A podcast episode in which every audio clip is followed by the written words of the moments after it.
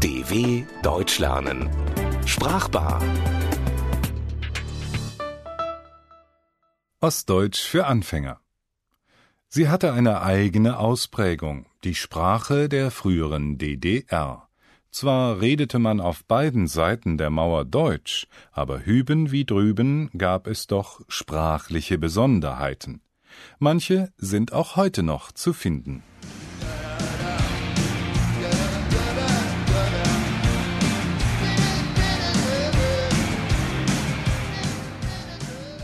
1989 fiel die Berliner Mauer. Am 3. Oktober 1990 feierten die Deutschen offiziell ihre Wiedervereinigung. Von der Teilung der beiden deutschen Staaten merkt man im Alltagsleben heute kaum noch etwas. Kommt man in das früher geteilte Berlin, ist es fast so, als ob man in einer westdeutschen Großstadt wie München oder Frankfurt am Main unterwegs ist. Die Mauer ist zwar nicht mehr sichtbar, aber hörbar ist sie trotzdem noch ein bisschen. Nehmen wir mal Oskar als Beispiel. Oskar ist typisch ostdeutsch. Den größten Teil seines Lebens hat er in Ostdeutschland verbracht.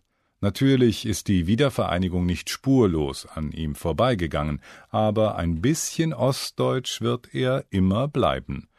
Das zeigt sich vor allem beim Einkaufen. Wenn Oskar einkaufen geht, dann geht er nicht in den Supermarkt, sondern in die Kaufhalle.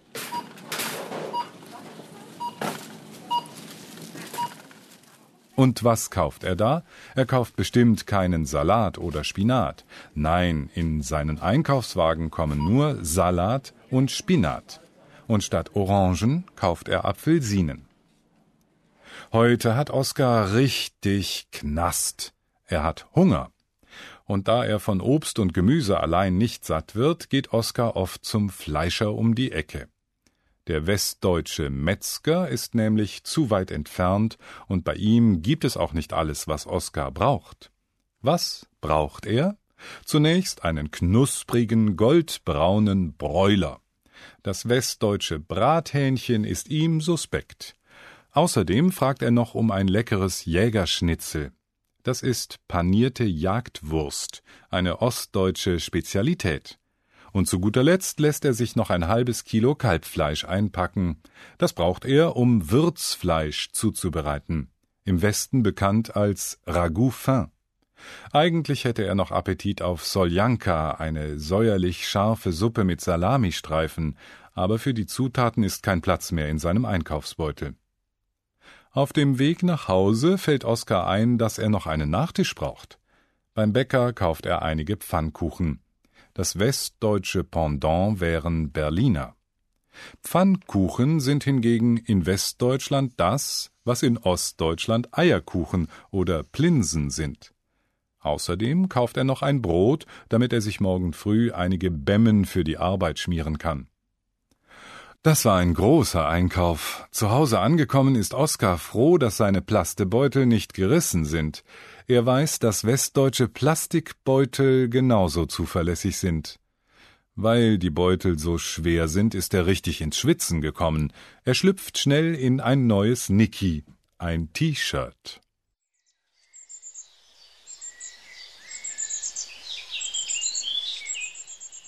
Oskar ist ein leidenschaftlicher Schrebergärtner. In seiner Freizeit hält er sich am liebsten in seiner kleinen Datsche auf.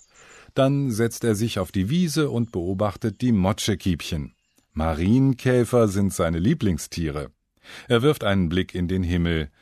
Wie gern wäre er Kosmonaut. Dann könnte er mit seinen westdeutschen Kollegen, den Astronauten, die Wolken von der anderen Seite aus betrachten aber im echten Leben ist sein Job weniger spannend. Er ist Lehrer. Und nicht nur seine Schüler machen ihm Ärger.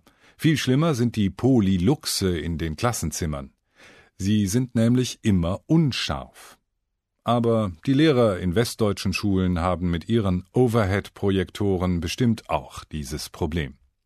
Die Schuluhr scheint in den meisten Regionen Westdeutschlands allerdings etwas anders zu ticken. Dort beginnt die Schule nämlich Viertel nach acht. Und im Osten Viertel neun. Ist er als ostdeutscher Lehrer nun besser dran? Leider nein. Dreiviertel fünf hat er übrigens Feierabend. Seine westdeutschen Kollegen dürfen Viertel vor fünf ihre Schulen verlassen.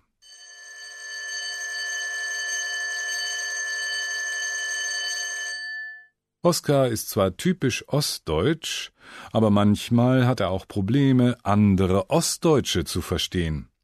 Denn auch innerhalb Ostdeutschlands gibt es verschiedene Dialekte, wie den Berliner Dialekt oder das Sächsische.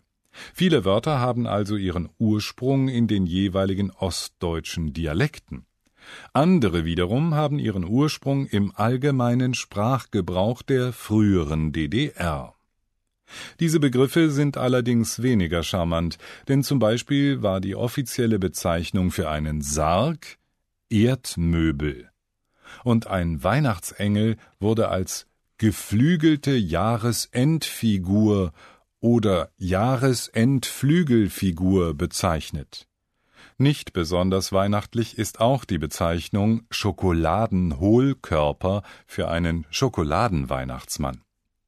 Die politische Situation brachte auch viele, oft humoristische Wortschöpfungen, die nach dem Fall der Mauer verschwanden. Fragte jemand nach Bückware, handelte es sich um eigentlich illegale oder sehr seltene Waren, die man nur erhielt, wenn sich jemand unter den Ladentisch bückte.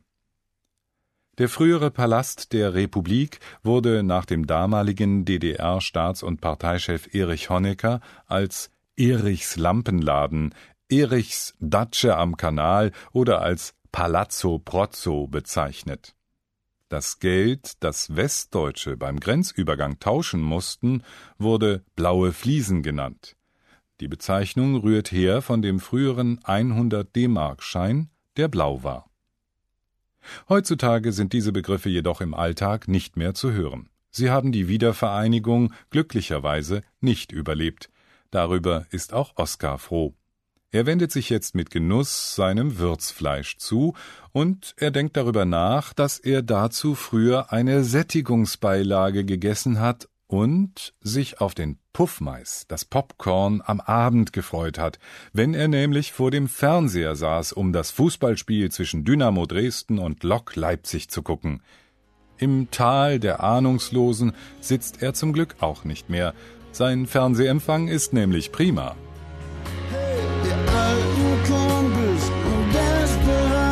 lass uns jetzt zusammenstehen.